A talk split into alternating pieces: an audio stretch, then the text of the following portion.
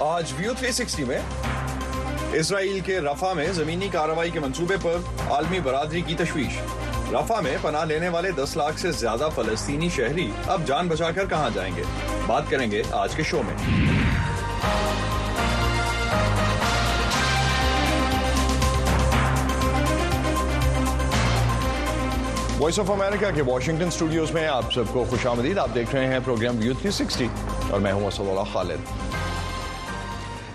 کل جب اسرائیل نے غزہ کے جنوب میں اور مصری سرحد کے ساتھ رفع کو نشانہ بنانا شروع کیا تو امریکہ برطانیہ اور جرمنی سمیت اقوام متحدہ نے اسرائیل سے اپیل کی کہ غزہ کی پٹی کے جنوبی علاقے اور رفع میں پناہ لینے والے تقریباً پندرہ لاکھ فلسطینیوں کو تحفظ دیے بغیر کوئی زمینی کارروائی نہ کرے کیا عالمی برادری کے تحفظات خدشات اور اپیلیں رفع میں اسرائیلی آپریشن کو روک پائیں گی آج کے پروگرام میں ہم اسی معاملے کا جائزہ لیں گے اس بارے میں مزید خبریں اور دنیا بھر میں ہونے والی اہم ڈیولپمنٹس کے بارے میں خبریں اور ان پر تجزیے آپ ہماری ویب سائٹ اردو وی او اے ڈاٹ کام پر بھی پڑھ سکتے ہیں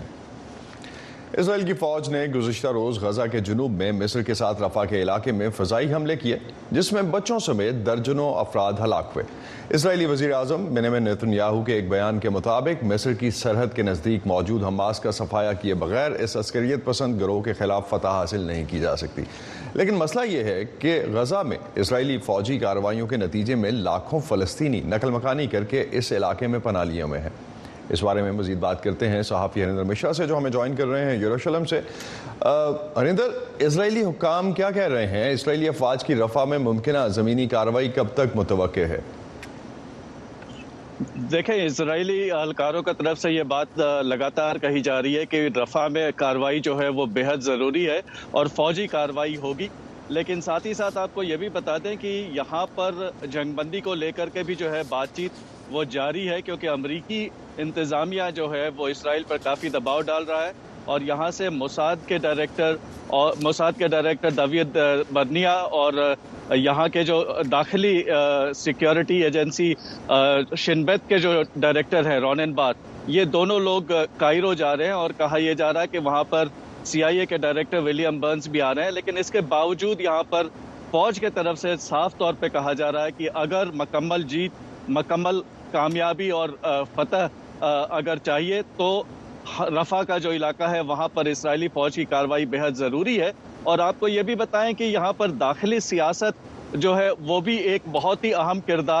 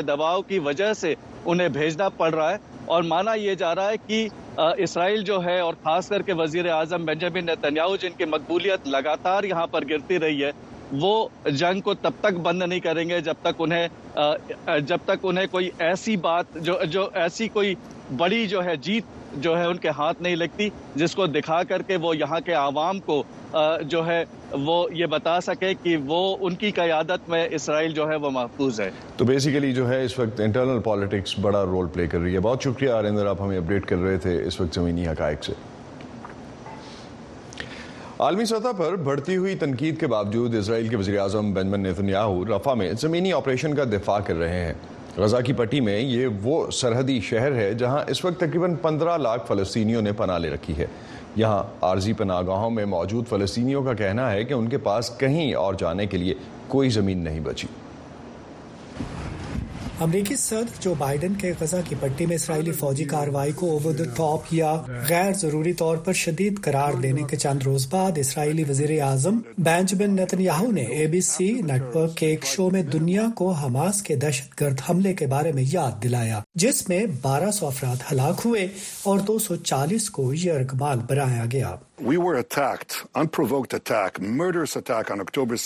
حماس کے زیر انتظام وزارت صحت کے مطابق غزہ پر اسرائیل کی جوابی کارروائیوں میں اب تک بچوں اور خواتین کی اکثریت پر مشتمل اٹھائیس ہزار سے زیادہ فلسطینی ہلاک ہو چکے ہیں اپنے انٹرویو میں نتن یاہو نے ان اعداد و شمار کو مسترد کرتے ہوئے کہا کہ عام شہریوں کو نقصان سے بچانے کے ایک منصوبے پر کام جاری ہے اور ان کی فوج رفع میں زمینی کارروائی کے اپنے منصوبے پر عمل کرے گی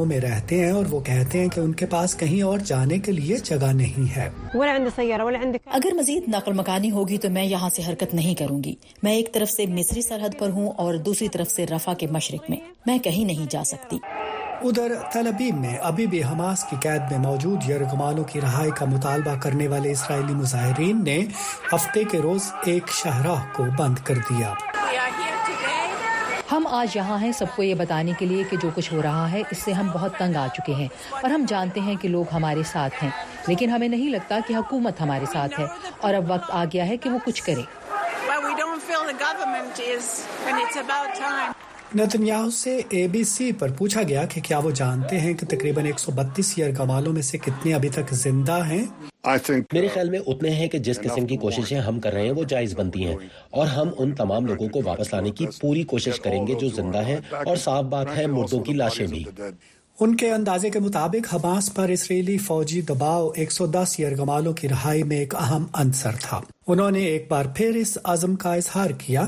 فتح اب قریب ہے ویرونکا بالدراس اگلیسیس کے ساتھ ندیم آف امریکہ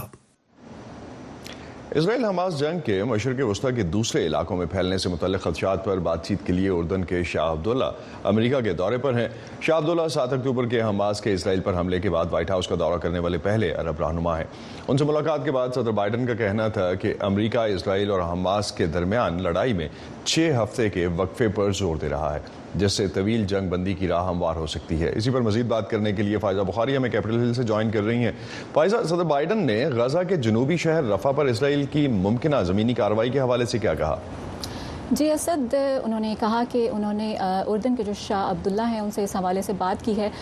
اور بنیادی طور پر انہوں نے وہی بات ریپیٹ کی جو کہ اتوار کو انہوں نے اسرائیلی وزیر اعظم بن یمن نتنیاہو سے ٹیلی فونک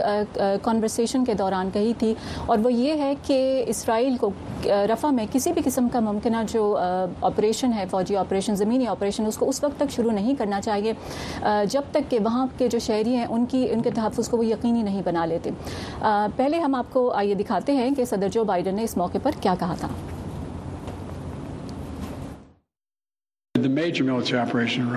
رفا میں بڑا فوجی آپریشن کسی قابل اعتماد منصوبے کے بغیر آگے نہیں بڑھنا چاہیے ایک ایسا قابل اعتبار منصوبہ جس سے وہاں پناہ لینے والے دس لاکھ سے زائد افراد کی حفاظت اور مدد کو یقینی بنایا جائے وہاں بہت سے لوگ بے گھر ہو چکے ہیں وہ شمال میں ہونے والی پرتشدد کاروائیوں سے بھاگ کر کئی بار بے گھر ہوئے اور اب وہ رفا میں موجود ہیں بے یاروں مددگار انہیں تحفظ فراہم کرنے کی ضرورت ہے اسد یہاں امریکی میڈیا میں یہ بات ہو رہی ہے کہ یہ پہلی مرتبہ ہے کہ صدر جو بائیڈن نے کھل کر عوامی طور پر رفع میں اسرائیل کی اس ممکنہ کارروائی کے حوالے سے ان کو تنبیہ کی ہے اس کے علاوہ یہاں میڈیا میں یہ بھی بات ہو رہی ہے کہ ایسا محسوس ہو رہا ہے کہ صدر جو بائیڈن جو ہیں وہ اسرائیلی وزیر اعظم یمن نتنیاہو کی ہر دھرم رویہ جو ہے غیر لچکدار رویہ اس پر بھی بہت خوش نہیں ہے نالا نظر آتے ہیں اور اسی حوالے سے آٹھ فروری کو ہم نے دیکھا یہاں وائٹ ہاؤس ہاؤس میں وہ رپورٹر سے بات کرتے انہوں نے کہا تھا کہ اسرائیل کی جو کارروائیاں جاری ہیں غزہ میں وہ ضرورت سے زیادہ شدید ہیں اور اسد اس کے علاوہ ایک اور اہم موضوع جس پہ انہوں نے کافی بات کی کل کے اس پریسر میں وہ یہ تھی کہ امریکہ جو ہے وہ اردن مصر اور بھی بہت سے ملکوں کے ساتھ قطر وغیرہ کے ساتھ مل کر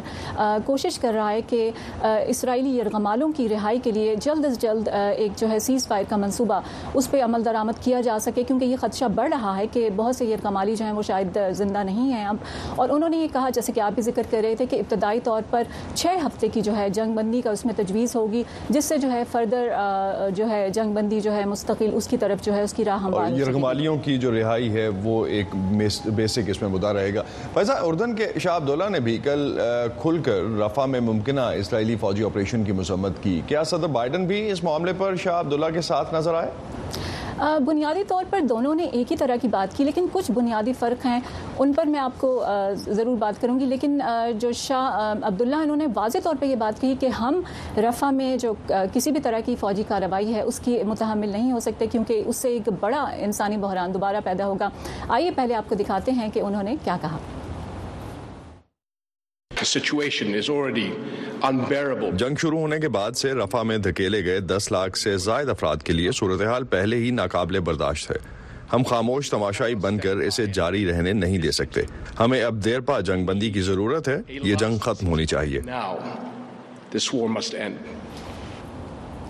جیسا کہ میں کہہ رہی تھی کہ کچھ بنیادی فرق تھے صدر جو بائیڈن نے جو باتیں کہیں اس پریسر میں اور اردن کے شاہ عبداللہ نے پہلی بات تو یہ کہ صدر جو بائیڈن نے واضح طور پہ یہ نہیں کہا اسرائیل کو کہ وہ رفع میں فوجی آپریشن نہ کرے انہوں نے اس کو مشروط کیا اس بات سے کہ پہلے وہاں پہ جو رہائشی ہیں ان کے تحفظ کو یقینی بنائے بغیر اسرائیل یہ آپریشن نہ کہے کرے لیکن کے اردن کے شاہ جو ہیں انہوں نے واضح طور پہ یہ بات کہی کہ ہم افورڈ نہیں کر سکتے رفع میں کسی بھی طرح کا آپریشن اور یہ نہیں ہونا چاہیے دوسری بات جو ہے جنگ بندی کی جس کا بھی میں نے ذکر کیا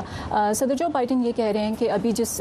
ڈیل پہ جو ہے وہ کام ہو رہا ہے بہت سے ملکوں کے درمیان اس میں چھ ہفتے کی جو ہے جنگ بندی کے بارے میں سوچا جا رہا ہے اور اس کے بعد فردر میں بھی جو ہے مستقل جنگ بندی کی طرف اس کی راہ ہم بار ہوگی لیکن اردن کے شاہ جو ہیں وہ انہوں نے یہ کہا کہ یہ جنگ ختم ہونی چاہیے فوری طور پر اور فوری جنگ بندی ہونی چاہیے اس کے علاوہ ہم نے یہ بھی دیکھا کہ ایک موضوع ایک اور ڈفرینس جو ہے وہ یہ تھا کہ صدر جو بائیڈن جو ہے انہوں نے اسرائیل کا بھی ساتھ ساتھ ذکر کرتے رہے وہ اپنے ایڈریس میں اسرائیل کے جو مالو ان کا ذکر کیا اسرائیل کی جانیں بھی امپورٹنٹ ہیں اور غزہ کے جو رہائشی ان کی جو ہیں جانیں وہ بھی امپورٹنٹ ہیں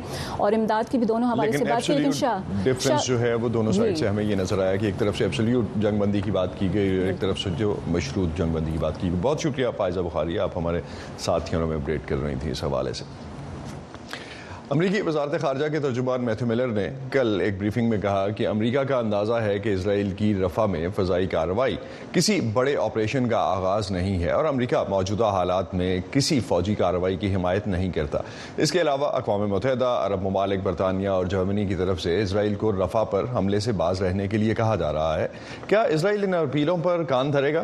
اس پر بات کرتے ہیں بفلو یونیورسٹی سے منسلک فیضان حق ہمیں اس وقت جوائن کر رہے ہیں فیضان اردن کے بادشاہ کل صدر بائیڈن سے ملے خطے میں اس تنازع کی وجہ سے جو تشویش ہے اس وہ تو پہلے بھی ہمیں نظر آتی ہے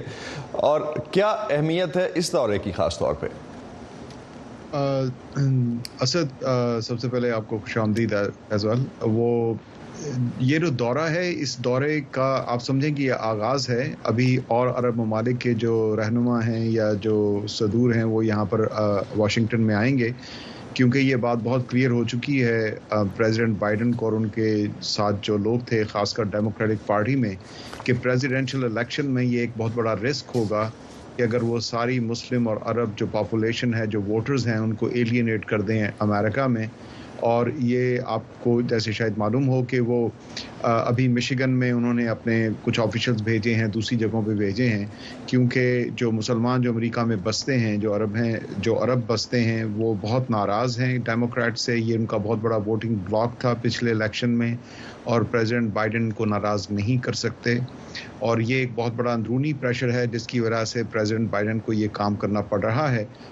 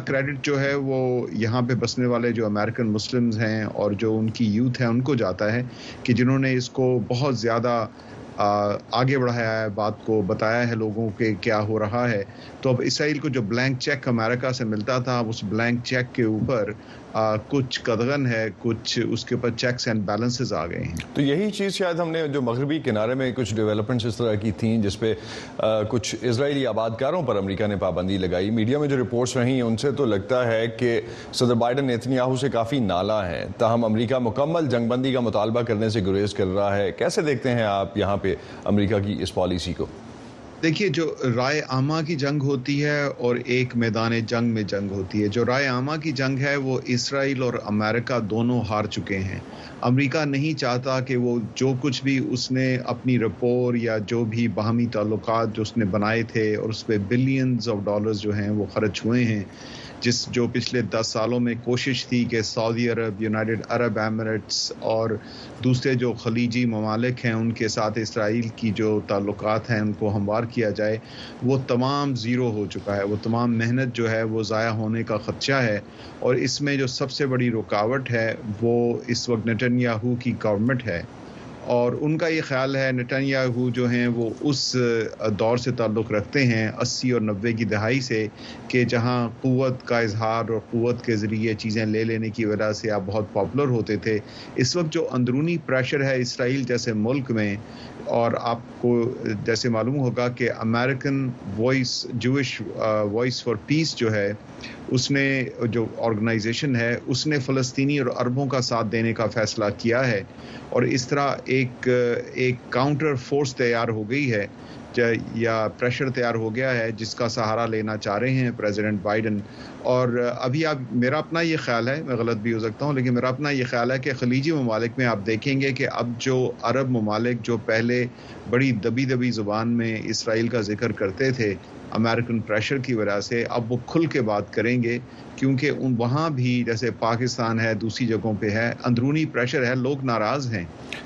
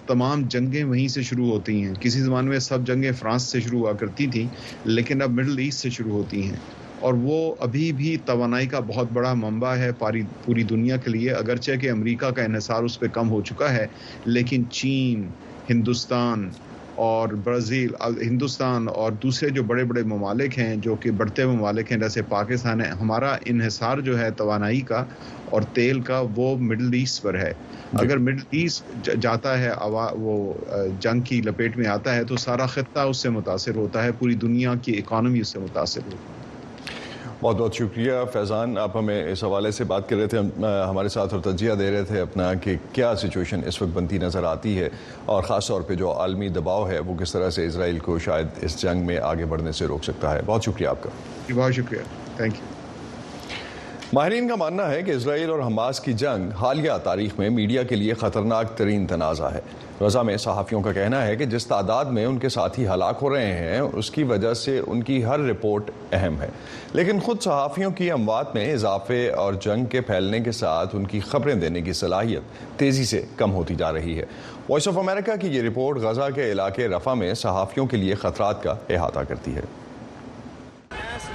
غزہ کے اندر بہت سے صحافی اب یہاں مصر کی سرحد کے قریب رفع میں رہ رہے ہیں جہاں اکتوبر میں جنگ شروع ہونے کے بعد سے آبادی میں پانچ گنا سے زیادہ اضافہ ہوا ہے ایسے میں جبکہ اسرائیلی افواج جنوب میں رفع کی جانب پیش قدمی کر رہی ہیں غزہ کے باشندوں کی اپنی جانب بچانے کے لیے اسی شہر کی طرف نقل مکانی جاری ہے یہاں کام کرنے والے صحافی کہتے ہیں کہ اگرچہ ان کی کوئی بھی کہانی آخری ہو سکتی ہے لیکن اسی طرح سے ان کا کسی بھی کام کے لیے باہر نکلنا کھانے یا ایندھن کی تلاش کے لیے بازار تک کا سفر لاپتہ زخمی یا مردہ عزیزوں کی تلاش کے لیے ہسپتال جانا یا یہاں تک کہ ہر رات بستر پر جانا بھی آخری بار ہو سکتا ہے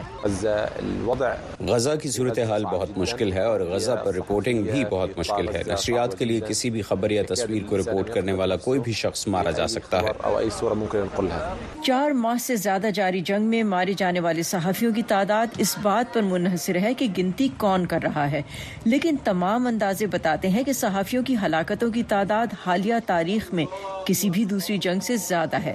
صحافیوں کے تحفظ کے لیے کام کرنے والے عالمی ادارے کمیٹی ٹو پروٹیکٹ جرنلسٹ نے پچیاسی اموات کی اطلاع دی ہے جبکہ اقوام متحدہ کا اندازہ ایک سو بائیس ہے غزہ کے اندر صحافیوں کا کہنا ہے کہ آخری بار جب کسی نے بھی اعداد و شمار شائع کیے تھے تب سے یہ تعداد بڑھ کر ایک سو تیس ہو گئی ہے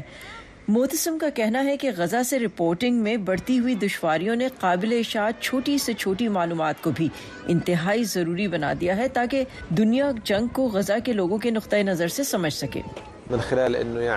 صحافیوں پر پابندیاں لگا کر اور ان کی ذہنی طاقت کو کم کر کے وہ صحافیوں کو پیشہ وارانہ طور پر خبریں دینے سے روک سکتے ہیں لیکن جب وہ ایک صحافی کو مارتے ہیں تو اس سے کہانی اور سچائی مسلسل پیش کرنے کا ہمارا عزم اور بھی بڑھ جاتا ہے اسرائیلی حکومت نے بین الاقوامی پریس کے غزہ میں داخلے پر پابندی لگا دی ہے اور دسمبر میں یروشلم میں فورن پریس ایسوسی ایشن نے اسرائیلی سپریم کورٹ میں درخواست دی تھی کہ اسے سخت کنٹرول شدہ فوجی دوروں سے ہٹ کر غزہ میں رسائی دی جائے عدالت نے درخواست مسترد کرتے ہوئے کہا کہ اس سے اسرائیلی دفاعی افواج پر غیر ضروری بوجھ پڑے گا غزہ کے اندر صحافیوں کا کہنا ہے کہ ان کی خبریں دینے کی صلاحیت تیزی سے کم ہوتی جا رہی ہے حرب من کل اتجاہ یہ صحافیوں پوری کمیونٹی کے خلاف ہر سمت سے جنگ ہے اسرائیلی قابض افواج اپنے حملے کے ایک حصے کے طور پر اکثر مواصلاتی رابطہ منقطع کرتی ہیں جس سے ہماری شمال میں ان محدود مقامات سے معلومات حاصل کرنے کی صلاحیت اور بھی کم ہو جاتی ہے جہاں سے ہمیں بھاگنے پر مجبور کیا گیا تھا تاہم اس دعوے کو انسانی حقوق کی بین الاقوامی تنظیمیں اور فلسطینی صحافی مسترد کرتے ہیں حیدر مرڈاک کے ساتھ سبا شاہ خان وائس آف امریکہ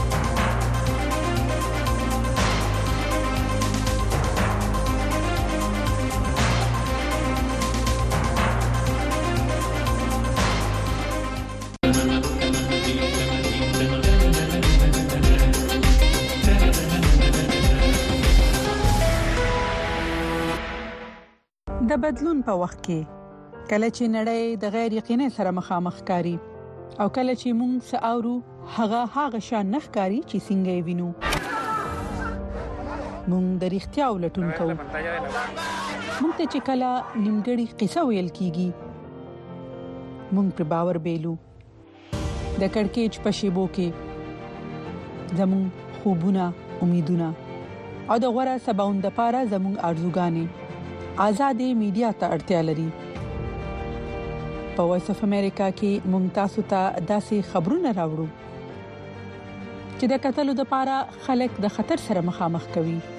مونږ نړۍ سره یو ځای کوو او اړتیا سره پیوست کوو په وایس اف امریکا کې مونږ تاسو ته پوره عکس درخایو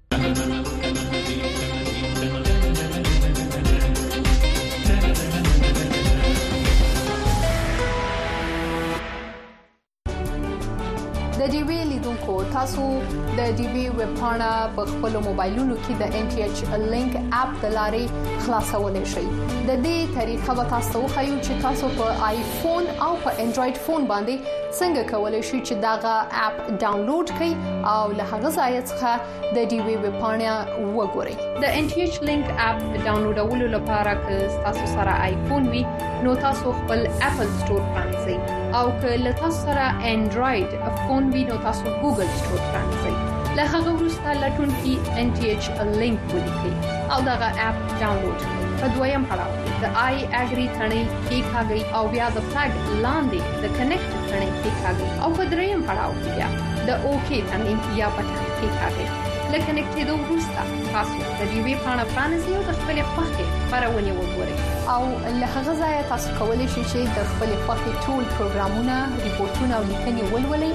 او وګورئ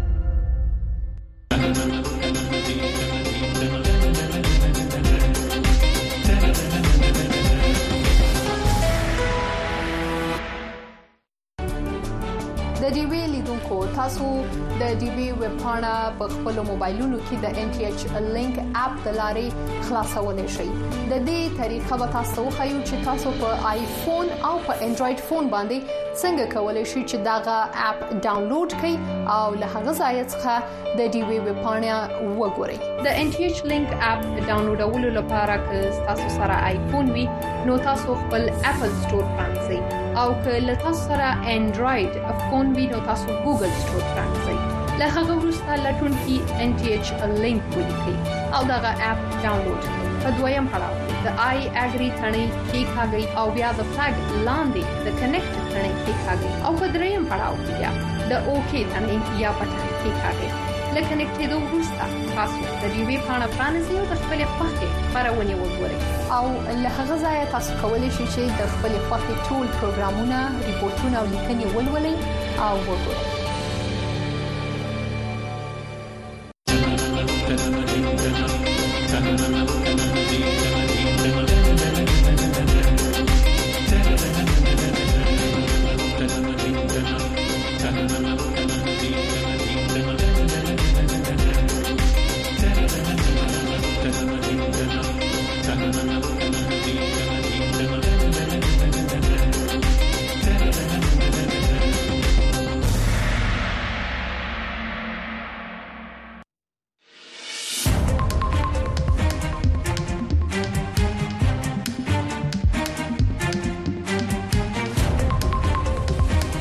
په دې خبري ټولګه کې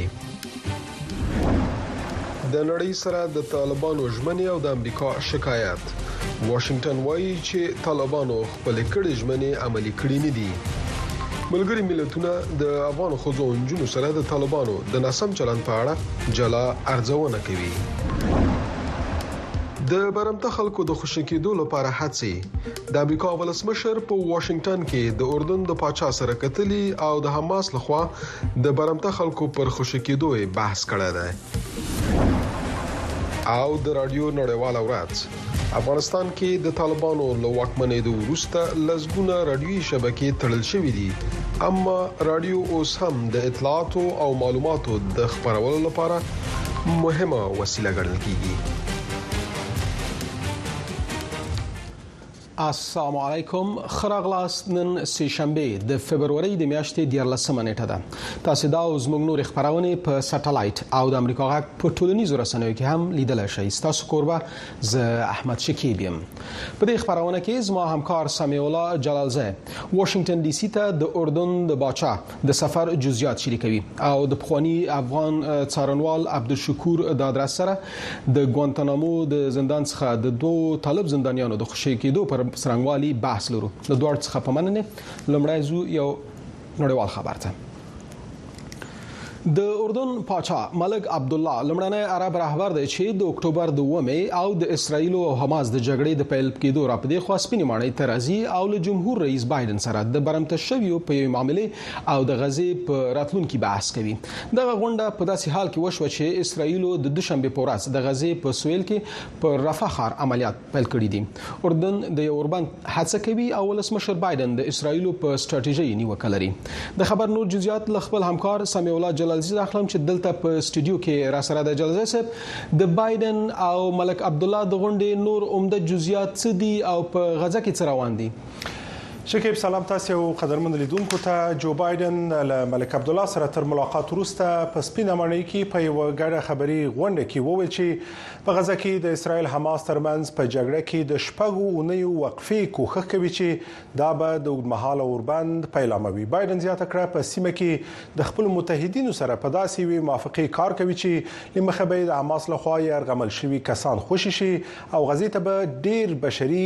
مواد او مرستې ورسیږي سره لدی چې د امریکا حکومت د اسرایل حماس جګړې را پدې خو اسرایل سره خپل ټینګ ملاتړ څرګند کړي او د میلیارډونو ډالرو پرځښت نظامی مرستې ورسره کړي خو په عین حال کې جو بایدن په لومړي وزیر بنیامین نتانیاهو په دې خاطر په غوسه دی چې سلام مشورو ته غوږ نه دی نیولای د اردن پاچا عبد الله هم په غزي کې د اسرایل حماس ترمنځ د پراخ اوربند غوښتنه وکړه وی ویل همدا اوس دوامدار اوربند ته اړتیا ده دغه لیدنه په داسې حال کې وشوه چې پر غزې د اسرایل عملیات لا هم روان دي او نن سه شنبه یو شمیر سیمې په نخښه شوې دي اسرایل پرون د دوشنبه په ورځ د غزې په سویل کې پر رفح ښار چې د غزې د ګڼو بیځای شویو کوربه د هوایي عملیات پیل کړل چې د غزې د روغتیا وزارت په وینا په دې عملیاتو کې څه باندې سل کسان وژل شوي او په سلګونه نور ټپیان دي اسرایل رفح د حماس ورستای پیاوړی پټنځای بللی او خبرداری یې ورکړی چې ځمکني عملیات به هم ممکن ژر پیل شي.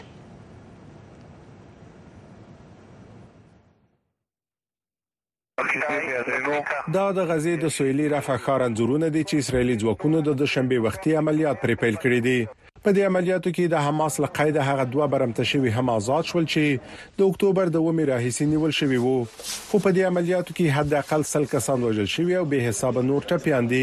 په دې ښار کې کابو یو اعشاریه پنځه میلیونه فلسطینیانو پناه اخیستې کوم چې نفوس یې د جګړې د پیل راهیسې پنځه برابره زیات شوی دی. ولسمشر بایډن او د اردن پاچا ملک عبدالله د دوشنبه په ورځ د برمته شویو د ازادیدو لپاره په هڅو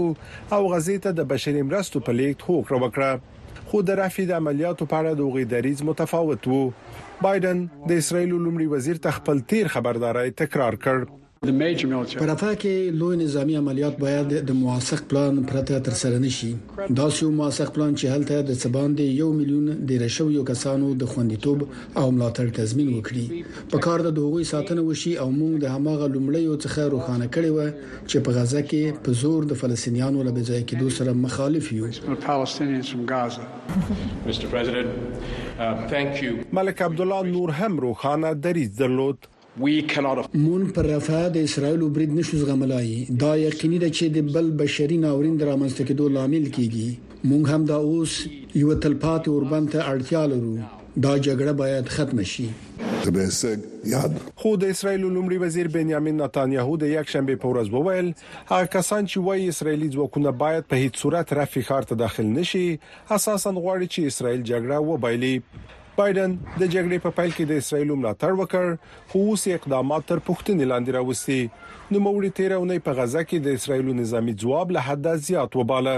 خو سپینې ماڼۍ د دوشنبې په ورځ د اوربند پر ځای د برمته شویو د یوه قرارداد یادونه وکړه، کوم چې په جګړه کې به حداقل د شپږ اونیو وقفې لامل شي. بلخوا د بشري چارو مسؤلین په رفح کې د جګړې نوی پړاو ناوړه بولي. په ډېره زیاته اندازه ملکي کسان چې اکثریت به یې ماشومان او میرمنې وي احتمالاً مړه او ټپیان شي. موږ د هغو اقداماتو پر وړاندې خبرداری ورکړی چې د جګړې قوانین نقض کوي. په رفح کې د دا ډول عملیاتو لید نورو وحشیانه جرایمو ته لاره هواروي. نړۍ باید د دې کار اجازه ورنه کړي. حماس چې د امریکا له خوا د ترهګرې ډلې په توګه نومول شوی، د اکتوبر په اوومه پر اسراییلو برید وکړ او یو زر دوه سوه کسان یې ووژل. یاد برید همدارنګه د روانې جګړې لامل شوی. حماس د رفح عملیات بشر وژنه بللې ده. سمیع الله جلالزی، د امریکا غږ. راځو د امریکا او طالبانو تعامل ته. سپینه ماڼۍ وایي چې د طالبانو په اړه د دوی په دریځ کې هیڅ بدلون نه دی راغلی. د سپینه ماڼۍ د ملي امنیت شورا د اړیکو سلاکار جان کربي امریکا غږ ته وویل که طالبان غواړي چې د مشروع واکمنانو په توګه وګڼل شي باید په خپل ژمنو عمل وکړي چې تر اوسه نه دی کړی بلخوا ملګری ملتونه وایي چې د طالبانو لخوا د اسلامي حجاب د قوانینو نه مراعات کولو په تړاو په خپل سر د افغانو میرمنو او جنونو د ورستیو نیولو او په بند کې د غوي ساتلو اندېښمن کړي دي د سپینې ماڼۍ د ملي امنیت شورا د اړیکو سلاکار جان کوربي په یو خبري کانفرنس کې د دوحې راتلونکي غونډ ته په اشاره د امریکا غږ د پښتنې په جواب کې ویل چې د طالبانو په اړه د دوی په دریځ کې هیڅ بدلون راغلی نه دی مونږ په رسمي توګه دا ویلي چې طالبانو سره د اړیکو عادي کولو یا په رسمیت د هغوی پیژندلو په برخه کې د متحده ایالاتو په دریځ کې هیڅ بدلون نه دی راغلی. موږ تل ویلي چې که هغوی غواړي چې د مشروع واکمنانو په توګه وګڼل شي، باید په خپلو کړیو ژمنو عمل وکړي چې تر اوسه یې پرې عمل نه دی کړی. بلخوا ملګري ملتونه وايي چې د طالبانو له خوا د اسلامي حجاب د قوانینو نه مراعات کولو په تړاو په خپل سر د افغان مېرمنو او نجونو د وروستیو نیونو او په بند کې د هغوی د ساتلو په اړه ډېره اندېښنه لري. د ملګرو ملتونو د عمومي منشي ویاند سټیفن دوجارک وايي، د ښځو د ځپلو روان بهیر به په خپل سر د نیولو وېرې له امله ښځې د نورې انزوا سره هم مخ کړي. د ملګرو ملتونو پلاوی اوس مهال د ناسم چلند او غیر قانوني نیونو، د طالبانو له خوا افغان مېرمنو او نجونو اړوند تورونو د ارزونې په حال کې دی او داسې ښکاري چې مذهبي او قومي اقلیتونه په یو ډیر نامتناسب ډول د طالبانو د دغو ځپونکو اقداماتو تر اغیزې لاندې راغلي دي. د طالبانو حکومت د بد حجابۍ په تور د ښځو او نجونو د نیولو لړۍ د تیر دوه زره درویشتم کال په وروستیو ورځو کې پیل کړې ده، خو د طالبانو د حکومت د حجاب په تړاو د ښځو د نیونو راپورونه رد کړي. پر میرمنو محدودیتونه په داسې وخت کې زیات شوي چې ټاکل شوې ملګري ملتونه د افغانستان په اړه د فبروري په اتلسمه او نولسمه په دوحې کې دویمه مشورتي غونډه جوړه کړي. یو شمېر معترضې مېرمنې وایي د دوحې په غونډه کې طالبان ته د ګډون پر ځای دې نړیوال ټولنه له هغوی سره حساب و کتاب وکړي. ما مردم افغانستان از جامعه جهانی میخواهیم که در مورد وضعیت افغانستان تصمیم جدی بگیرد در نشست دوحه. با آمدن طالبان وضعیت برای زنان هر روز دشوارتر میشود. و ما مردم افغانستان خواهان حکومت همشمون هستیم که با اتحاد و آرای مردم انتخاب شود میلیون ها زن و دختری که در این کشور زندگی می کند روزهای خود را مملو از اندو درد ناامیدی میگذراند آنها امروزه در نگرانی خودشان و آین آیندهشان است افغانستان لپاره د ایران د جمهور رئیس ځانګړي استازي حسن کاظمي قومي ویلي د سیمې او گاونډي هیوادونه د بل هر وخت څخه زیات افغانستان کې د ثبات د ټینګېدو لپاره دغه هیواد سره د تعامل او همکارۍ په لټه کې دي وحید فیضي د امریکا غږ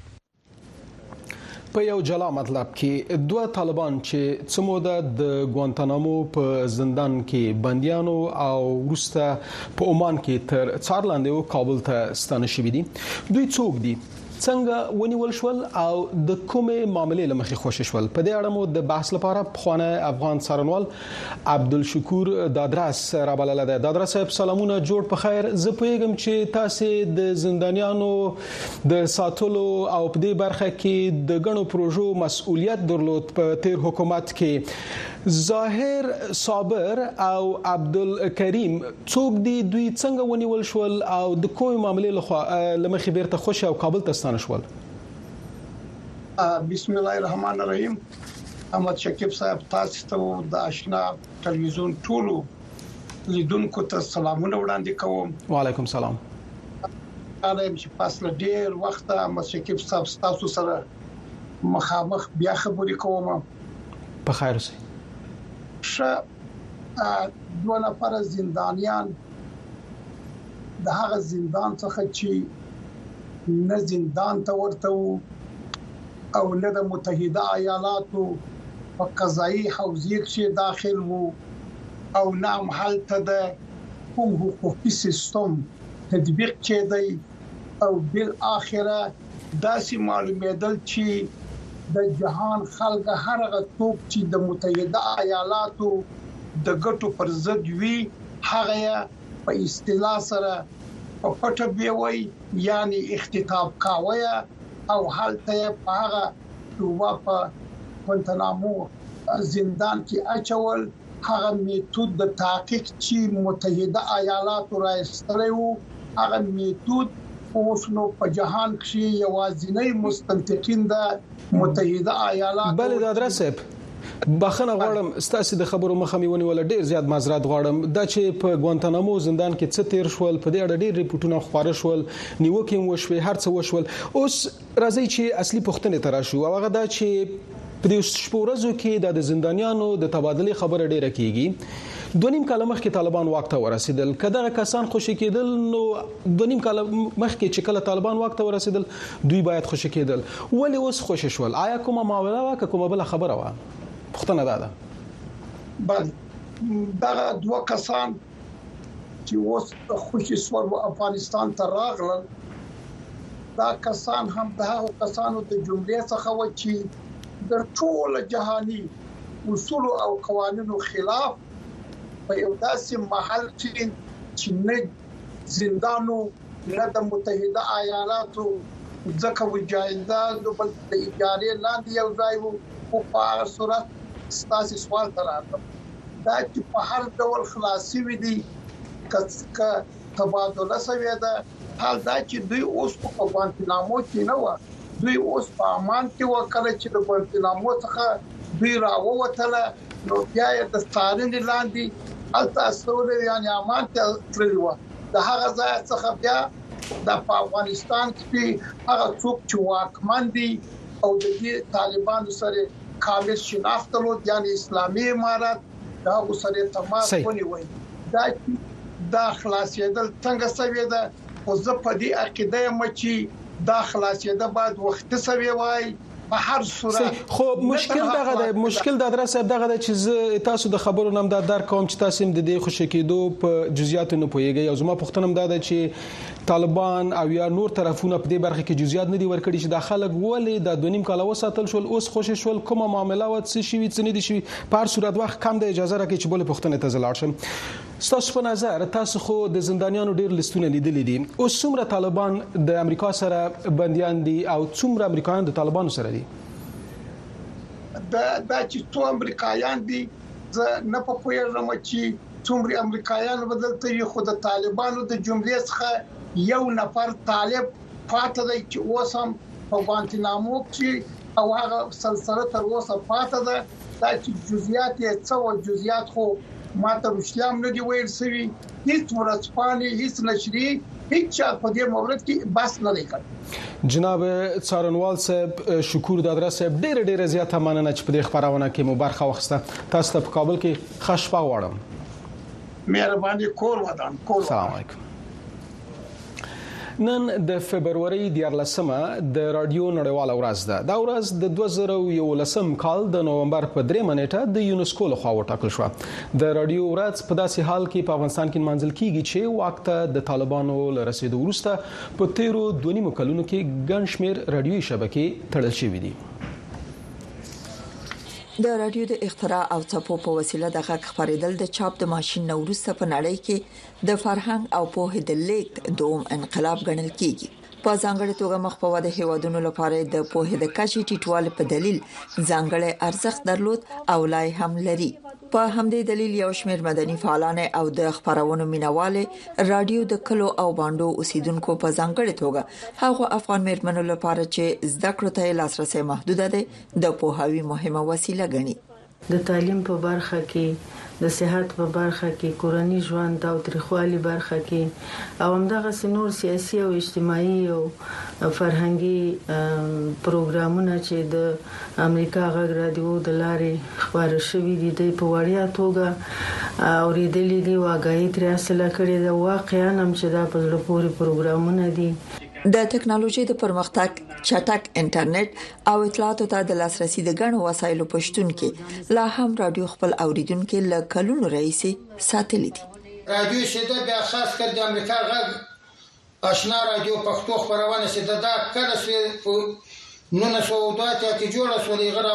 په دې خو یې زه اورم تر دانن ورځ او ډیر معلومات مې ځنه کړی او الحمدلله دې سره سره ډیر ملګری ما پیدا کړی او زه هم خلکو ډیر ملګری کړی لیکوال او څېړونکی عبدالغفور لیوال رادیو د نن عصر د اړیکو پیژندل شوې عامه نړیواله وسیله د نړیوالتوب په لور د بشریت لومړنی ګام او د بیان ازادۍ د حق پر بنسټ د معلوماتو د ترلاسه کولو اسانه طریقه بولی او وای د ټکنالوژي د پرمختګ او برېښنايي مختلفو رسنیو پښتون کې بیا هم رادیو خپل مخاطبین ساتل دي یوازې د غوګونو په وسیله خبرونه، موسیقي، تفریحي پروګرامونه، معلوماتي پروګرامونه، د هوا حالات او نور له راډیوګانو څخه واوري. په افغانستان کې راډیويي خپرونې څه کم یوه پیړۍ پخوا د شاه امان الله خان په واکمنۍ کې پیل شوې چې په وروستیو شلو کلونو کې د دولتي راډیوګانو ترڅنګ ګڼو خصوصي راډیوګانو هم فعالیت درلود خو اوس یې د فعالیت کچه ډیره راټیټه شوې د جمهوریت په شل کلنه دوره کې د راډیو د پراختیا لپاره فضا ډیره پرانیستې و او شاوخوا 340 راډیوګانې د اطلاعات او کلتور په وزارت کې ثبت شوې وي خو د طالبانو د واکمنیدو سره سم د شمیر راخکته شو او شاوخوا 50 سلنه راډیوګانې وتړل شوې د افغانستان د خبريالانو د ملاتړ اداره وایي که وضعیت همداسې دوام وکړي د اقتصادي ستونزو له کبله کېدای شي محدود فعال رادیوګانې هم وتړل شي په افغانستان کې د رسنیو پر کار د محدودیتونو په لړ کې د رادیوګانو بندیدو نه یوازې معلوماتو ته د خلکو لاسرسي محدود کړي بلکې په زورګونو کارکونکو هم بیکاره کړی دي نو شاباشنا امریکا غاک واشنگټن په څو شیبو کې د اندونیزیا د ټاکنو په اړه یو ریپورت لرو خو اوس یو لنډه دمه اخلو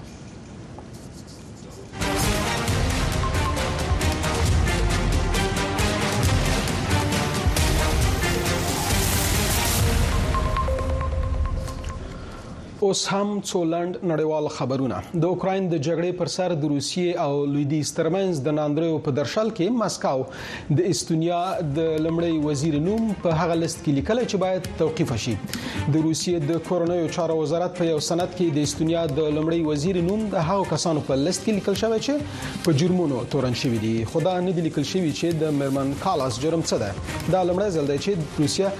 د یو بهرني رهبر نوم په ورته یو لست کې لیکي د استونیا لمړی وزیر د اوکراین کلک ملاتړ بلل کیږي چې کیف ته د پوځي مرستو او د روسیې پر وړاندې د بندیزونو بشپړ ملاتړ کوي د بلوچستان ایالت په مرکز کوټه کې د سیمایزو سیاسي ګوندونو په غوښتنه دکانونه تړل شوي او ترانسپورتي خدمات ځنډول شوي دي دا ګوندونه وایي چې د پاکستان په ټول ټاکنو کې درغلي شوي دي دا درې مورز د چې دکانونه بند او خلکو ته د ترانسپورتي خدماتو د نشټون لکبله سخت مشکلات پیښ شوي دي د فبرवरी په اتمه د ټولټاکنو په ورځ پاکستان کې د موبایل ټلیفونونو فعالیت بند شوی او چې دا کار په ټاکنو کې د درغلیو په اړه د یو لړ اغانو د راپاریدو سبب شو د پاکستان مخکښ ګوندونه هم دا اوس د یو ائتلافي حکومت په جوړولو کار کوي څو معلومه شي چې د پاکستان نوې لمړی وزیر به څوک وي په هند کې بزګرانو د خپل کروندو د حاصلاتو لپاره د ثابت قیمت د ټاکلو پر سر بیا لاریون کړی دی پولیسو نن د سه شنبه په ورځ د هغو لاریون کوونکو په وړاندې اوخکي بهونکي غاز شیندلای چې هڅه یې کوله له خندونو واوړي یو شمېر نور کسان بیا توقیف شوي دي هند کې بوزګرانو په 2021 کال کې هم مرکز نیوی ډیلی ته څیرمه پرلت کړو د لاریون کوونکو د وړاندې تګ د مخنیوي لپاره پولیسو نیوی ډیلی ته په غځېدو لارو کوڅو کې خندونه یې خو دي حکومت په نیوی ډیلی کې د لوی غونډو جوړول او په ځینو سیمو کې انټرنیټي خدمات ځنډولې دي په دوه زره او څلرویشتم کال کې په پنځوسو یا تر دې هم ډېرو هیوادونو کې ټاکنې شوي یا کېږي خو په هیڅ هیواد کې به د اندونیزیا په کچه ډېر خلک په یوه ورځ د رایو مرکزونو ته ولاړ نه شي د اوسني ولسمشر دوه دورې پای ته رسیږي او د هغه د ځایناستي لپاره به اندونیزیایان د چهارشنبې په ورځ د رایو مرکزونو ته لاړ شي نور جزئیات په رپورټ کې کهدیران راتوسن ریبو اور اندونیزیا په نړۍ کې څلورم هیواد دی چې ډیر وګړي لري او د فبرورۍ په 14 مه د ولسمشرۍ ټاکنې تر سره کوي چې یوازې درې کسان د ولسمشرۍ لپاره نوماندان دي لومړی څلور پنځوس کلن انیس باسویدان یو محافظه کار مسلمان دی چې د جاکارتا د والی په توګه تر ټاکل کېدو وروسته ملي شهرت ترلاسه کړ نوموړی د اسلامي محافظه کارو ډلو ملاتړ له ځان سره لري دوهمي دواویا کلن پروبوا سوبیانتو پخوانی جنرال او د اوږدمهاله واکمن سوهارتو زوم دی نو موړي د دریم ځل لپاره ځان نوماند کړي او د اوسنی ولسمشر جوکو ویدودو ملاتړ لزان سره لري او بیا دریمې پنځه پنځوس کلن ګنجار پروانو د مرکزي چاوا پخوانی والي دی هغه هم د اندونیزیا دیموکراتیک واکمن ګوند له ملاتړ سره ټاکنو ته راغلی. زما پاند پرابو سوبیانتو د دفاع اوسنی وزیر او ګنجار پرانو هغه دوه نوماندان دي چې د اوسني مشر جوکوی د حکومت دوام غواړي په داسې حال کې چې انیس باسویدان د جاګارتا د پخواني والي کمپاین یو څه توپیر درلود، په دې مانا چې هغه په بدلون ټینګار کوي. په اندونیزیا کې به له دوه سوه څلور میلیونو څخه ډېر راجستر شوي رایې ورکوونکي په راتلونکو ولسمشریزو ټاکنو کې ګډون وکړي، چې د پنځه پنځوس سلنه رایه ورکوونکو عمر له څلوېښتو کلونو کم دی. د دوی لومړنۍ غوښتنې دندې او اقتصاد دی. زه د ځوانانو لپاره په ځانګړې توګه زما په څېر تازه فارغ شویو لپاره د کار فرصتونه غواړم. زما لپاره تر ټولو مهم شی اقتصادي شرایطو ښه کول دي او د لومړنیو اړینو شیانو بیو راکمول دي، نو موږ کولای شو ډېر اسانه ژوند وکړو. د ټاکنو ګټلو لپاره نوماندان باید پنځوس جمع یوه رایه ترلاسه کړي کنه نو دوه مخکښ نوماندان به د جون په میاشت کې دویم پړاو ته ځي په څو نظر پښتنو کې فراب وو لنورو دوه نوماندانو مخ کې ده خو تر اوسه 50 سلنې ته نه دی رسیدلی نو کې دی شي د ولسمشرۍ ټاکنې به په دوو پړاوونو کې تر سره شي احسان لاریوزی امریکا غږ واشنگټن بیرته امریکا ته ګرځو د امریکا د کالیفورنیا ایالت په جنوبي سیمو کې پرله پسې ورښتونو او سیلابونو ځاني او اقتصادي زیانونه اړولي دي په زیانمنو شویو وګړو کې یو شمېر هلته میشت افغانان دي نور حال زموږ د همکار برېښنا تحریک په ریپورت کې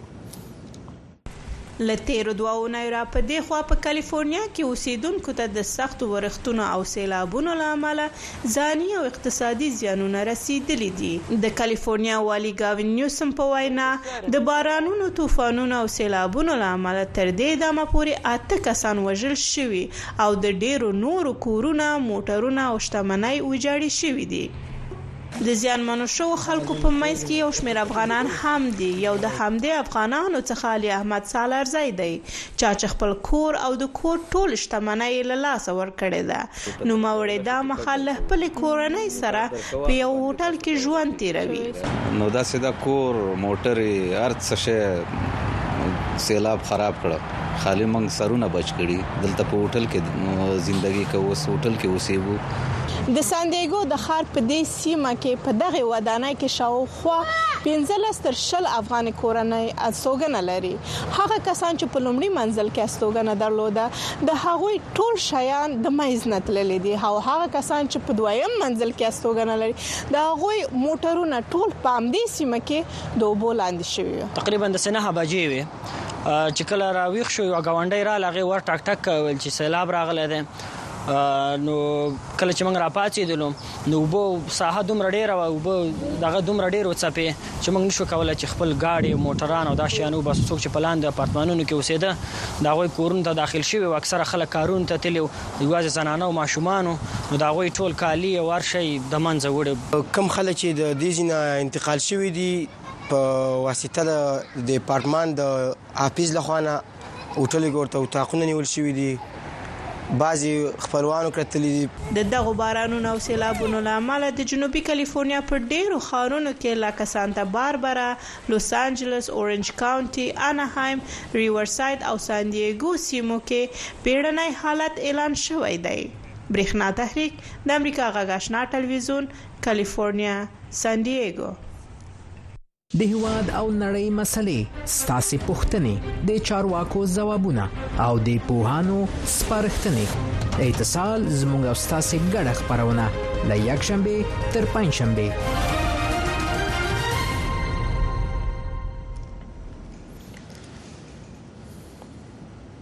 بیا هم خراغلاست تر یو ځند وروسته په کابل کې د افغان ادبي بهیر اونیز غونډې بیا پیل شوې دي که څه هم د دې بهیر مشر غړي له هواده وتلي خو ځوانان وایي چې د اړتیا پر مهال په انلاین ډول د لوی لیکوالانو له نظریاتو برخمن کیږي یو شمېر ادیبان وایي د ځوانانو په فکری روزنه کې دغه بهیر ځانګړی رول لوبوي نورحال د شمس آریان په ریپورت کې ټوپک هر څو یې پګړۍ هست کړو له هر رخته وته افغان ادبي بهیر چې له نوم سره د افغانستان او پښتونخوا ډیر ادیبان آشنا دي هر اونۍ د لسګونو ادیبانو شاعرانو او لیکوالانو کوربه وي ونیزي مشاعرې علمی بحثونه کره کتنه او لیکچرونه پکې وړاندې کوي دا اونۍ بخ جمال کریمی د پردریز وینا تر سرلیک لاندې د ګډونوالو پښتون ته ځوابونه او لیکچر ورکوي. د آډینس پېژندلو خبره وه چې موږ باید هم په دې وپوهېږو چې زما آډینس د کوم عمر والا دي، همداراز علمي سویه یې په کوم حد کې ده، زه ورته په کومه موضوع باندې غږېږم او په څه رقم ورته وغږېږم، دا ټول مسایل هغه دي چې د وینا کولو پر مهال باندې تاسو سره بیا مرسته کولای شي. په تېر کې به د افغانستان لوی لیکوال او شاعران هم د دې بهیر برخه ول. چې د ځوانانو په روزنه کې به یې ځانګړی اهمیت درلود د بهیر اوسنی ګډونوال وایي هڅه کوي چې د تیر په څیر خپل علمي بحثونو ته دوام ورکړي دغه ډول فکری او ادبي